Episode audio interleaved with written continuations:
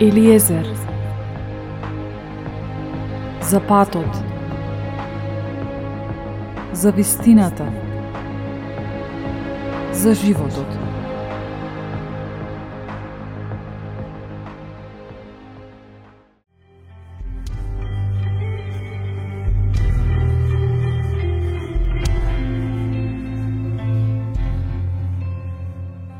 Сите сме имале прилики, можности кои сме ги пропуштиле. Прилики кога сме изгубиле. Сме знаеле дека нешто било важно, но не сме обрнале доволно внимание. Или може би сме знаеле дека тоа е нашата мисија во животот и сепак, од некоја причина не сме се нафатиле да ја реализираме. Може би Господ Бог ни пратил личност во нашиот живот која сме требале да ја сакаме, повеќе да водиме грижа за неа, а тоа не сме го направиле.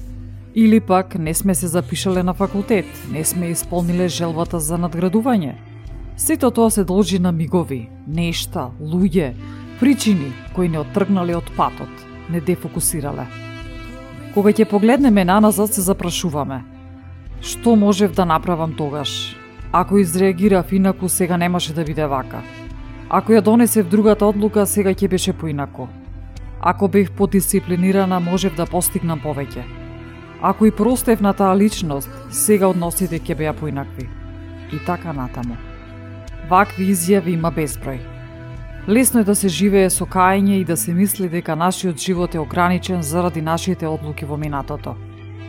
Добрите вести се тоа што Господ Бог ја зема предвид секоја грешка што ќе направиме или нештото не отишло во правилен правец заради други причини. Тој веќе ги има пресметано сите тие мигови, случки, поминати години, сите компромиси кои придонале да не сме онаму каде што треба да бидеме и да го правиме она што треба, односно од нашата судбина. Небесниот татко е Бог кој дава други шанси, затоа да се охрабриме и со нови сили напред.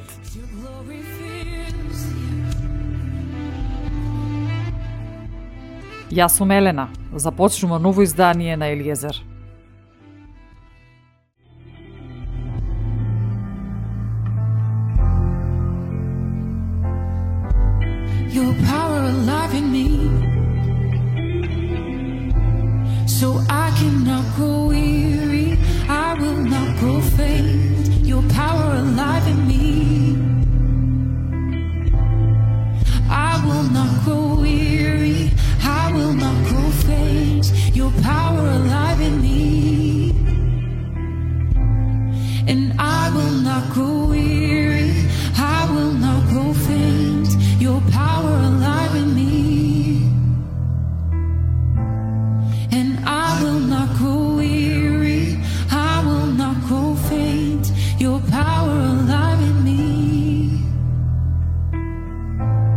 It's your blood that flows through my veins.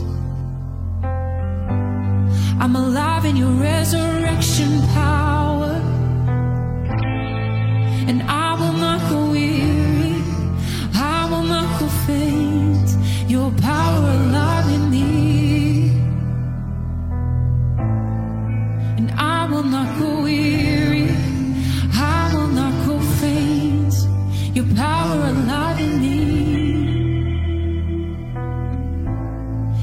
Isn't some distant fairy tale or make believe. This is the truth that has set me free. Your resurrection power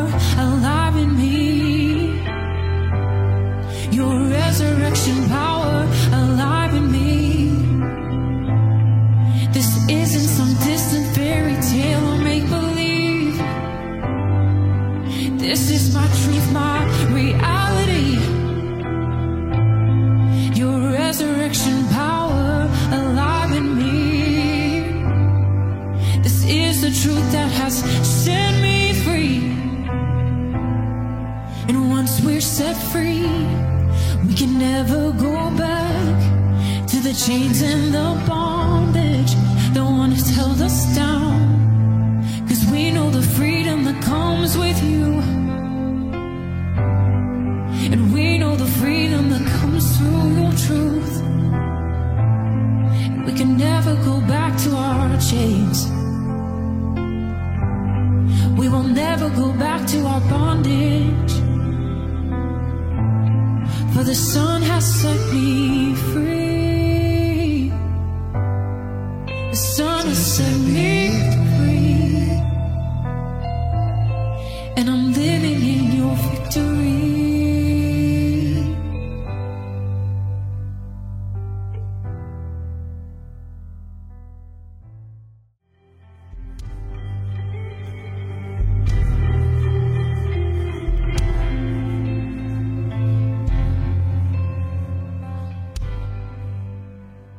Небесниот татко е полн со милост, дури кога не заслужуваме. Кога било наша вина. Нашите мисли ќе речат вака. Штета, упропасти се, сега нема назад, готово е со тебе. Но небесниот татко настапува со неговата милост и ни вели.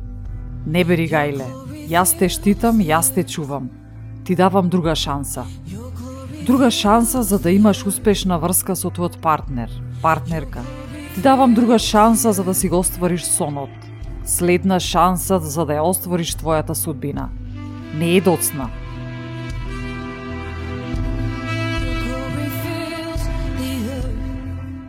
Божиот повик за нашиот живот се уште е активен. Тој никогаш не го менува своето мислење. Тој не не дисквалификува нас, па зошто ние би си го правеле тоа на самите себе? Нашиот непријател, ѓаволот, е наречен обвинувач. Неговата мисија е што секој ден не подсетува на секоја грешка што сме ја направиле. Тој ужива гледајќи не како сме депресивни, разочарани, бесни, без желба, паднати во состојба на размислување за истите па истите работи. Не тера да мислиме дека не заслужуваме ништо добро. И ќе ни шепне, ти не го заслужуваш Божиот благослов Тој ти даде, но ти упропасти се. Не успеа, не се потруди доволно. Се оттргна од патот, не успеа да се воздржеш, падна на тестот. Се коцкаше со тоа што ти беше дадено. Не ги искористи талентите што ти ги даде. Не го искористи твојот потенцијал. Не беше фокусиран. Познати ви се овие обвинувања, нели?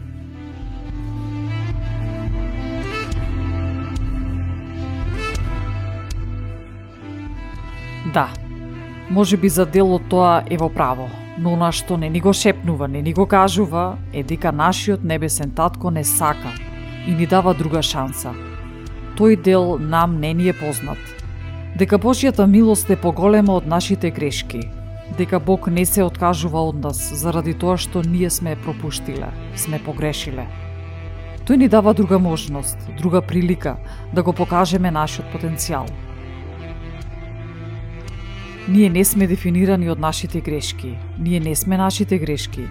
Ние сме она што Бог вели дека сме. Деца на Севишниот Бог. Ние сме подготвувани од нашите грешки. Секоја грешка може да не научи нешто.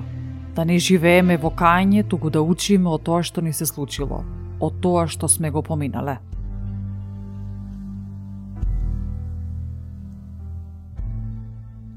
Еве еден пример за тоа – Кога Мојсей ги водеше израелците кон ветената земја, Господ Бог му рече да оди на врвот на планината Синеј. Мојсей беше таму 40 дена. Таму Бог му ги даде на Мојсей 10 заповеди напишани на камени плочи. Тоа беше моќен и свет момент. Можеме само да предпоставиме што доживел Мојсей во тој величествен миг. После тоа, Мојсе слегува од планината и се враќа кај својот народ. Но неговиот народ го пречека со обожување на златно теле. Тој ги остави 40 дена, но што најде? Тие се одврати од Господ Саваот и започнаа да слават и долу.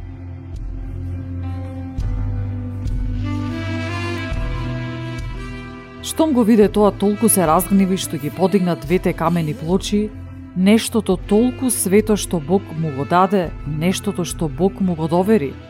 И ги фрли, ги фрли на земја и тие се скршија во ситни парчиња.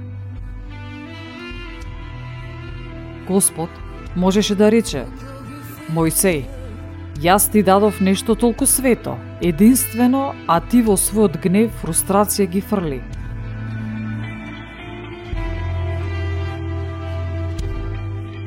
Лесно е да се суди Мојсей. Како можеше да си дозволи гневот да надвладе и да го уништи нештото што Бог му го дал? Но, колку од нас сме го направиле истото? Сме уништиле некој или нешто што не било доверено? Колку пати сме дозволиле нашиот гнев, фрустрација, гордост да уништат пријателски врски, семени врски, или во брзина сме направиле нешто непромислено. Или докажувајќи дека сме во право, сме направиле повеќе штета од колку добро. Колку пати сме ја злоупотребиле позицијата што Бог ни ја дал за наши себични цели. Колку од даровите и талентите што ни ги дал сме ги искористиле за исполнување на неговите цели и задачи, да правиме добро, а ние сме правеле грев. Сме фрлиле и сме користеле како што е познато, сме земале здраво за готово. Колку пати сме го игнорирале Господовиот глас, гласот на Светиот Дух, што да правиме, а што не, а ние, сепак, сме останале на патеката на гревот. Да бидеме реални. Секој од нас направил пропуст, грешка, грев и не сме го вреднувале она што Бог ни го има дадено.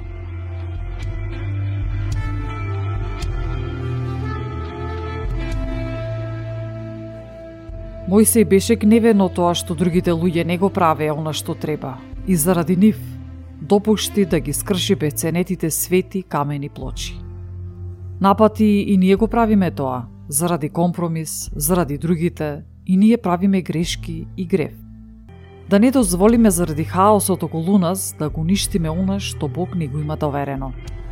Да го заштитиме нашиот идентитет, нашите дарови, нашите таленти, да го заштитиме она што Бог ни го дал, нашето семејство, нашиот интегритет, нашата светост, нашиот мир.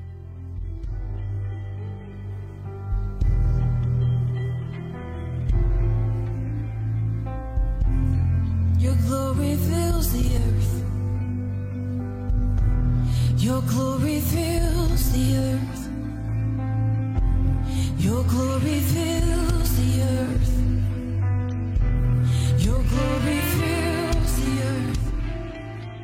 Лесно е да се живее фрустриран, гневен, во разочараност од се и секого.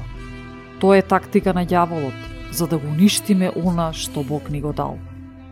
Бог можеше да му рече на Мојсей, Мојсей, јас ти дадов толку свето нешто, зарем така ќе се однесуваш кон се што ти давам?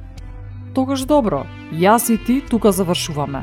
Никогаш повеќе нема да ти дадам нешто вредно. Тоа беше и за секогаш. Толку. Но, доколку Бог ни даваше само онолку колку што заслужуваме, Мојсей немаше да продолжи да ги исполнува Божите задачи. Но еве, колку Бог е добар. Мојсей побара прошка од Бог, се помоли за луѓето за направениот компромис, а Бог му рече на Мојсей, како што пишува во повторени закони 10 глава. Истечи си две камени плочи, слични на првите, и дојди при мене на планината, и направи си дрвен ковчег.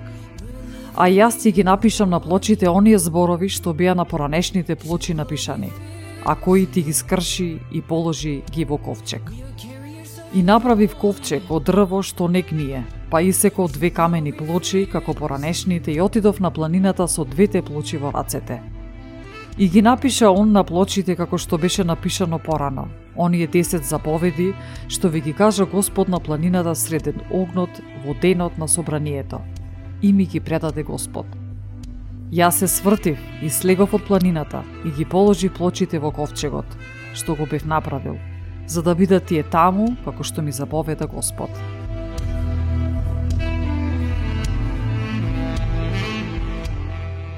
Врз основа на ова, да помислиме на Божјата милост. Колкава е, тој е небесниот татко, е Бог на следната, на другата шанса. Бог ни го вели истото и нам. Ако се качиш повторно на планината, ако почнеш повторно да веруваш, ќе ти дадам се што си изгубил. Тоа што било скршено, ќе го заменам со ново. Да не дозволиме вината и непријатните чувства да не оттргнат од качувањето на планината. Да не дозволиме кајањето да не убеди дека е доцна. Да направиме како Моисеј. Да престанеме со мислите на пораз, вина. Небесниот татко е семоќен Бог. Не можам ли јас да правам со вас како овој грнчар, зборува Господ. Еве, како глината во грнчаровата рака, и вие сте во мојата рака.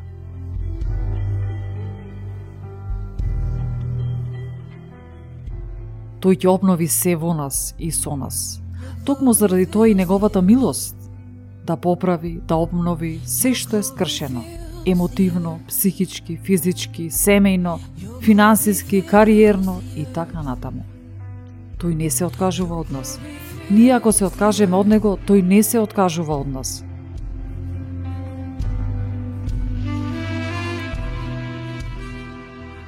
Исто како тие камени плочи. Луѓето во нашиот живот се свети. Затоа, да не се однесуваме кон нив како да се невредни, обични, дека нема потреба. Секој од нас е свет во очите на небесниот татко. Сите луѓе се непроценлив дар од Бога. Тој ни ги доверил како најскапоцено богатство.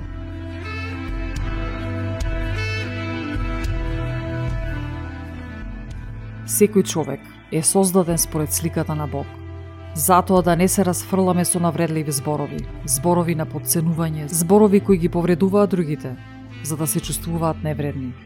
Да ги употребуваме зборовите за да ги подигнеме другите, да ги охрабриме, да ги напредуваме, а не да ги уназадуваме.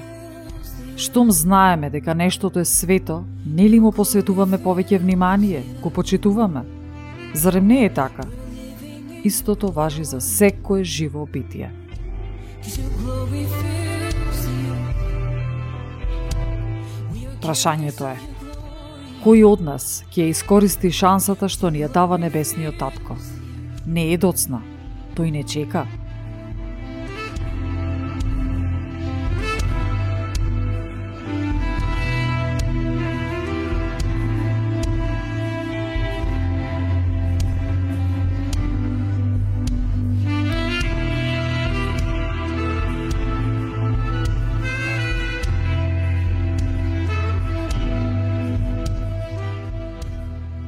Ја следевте емисијата Елиезер, автор и водител Елена Јогиевска Костадиновиќ, под покровителство на и во соработка со Господ Исус Христос и Господ Свети Дух.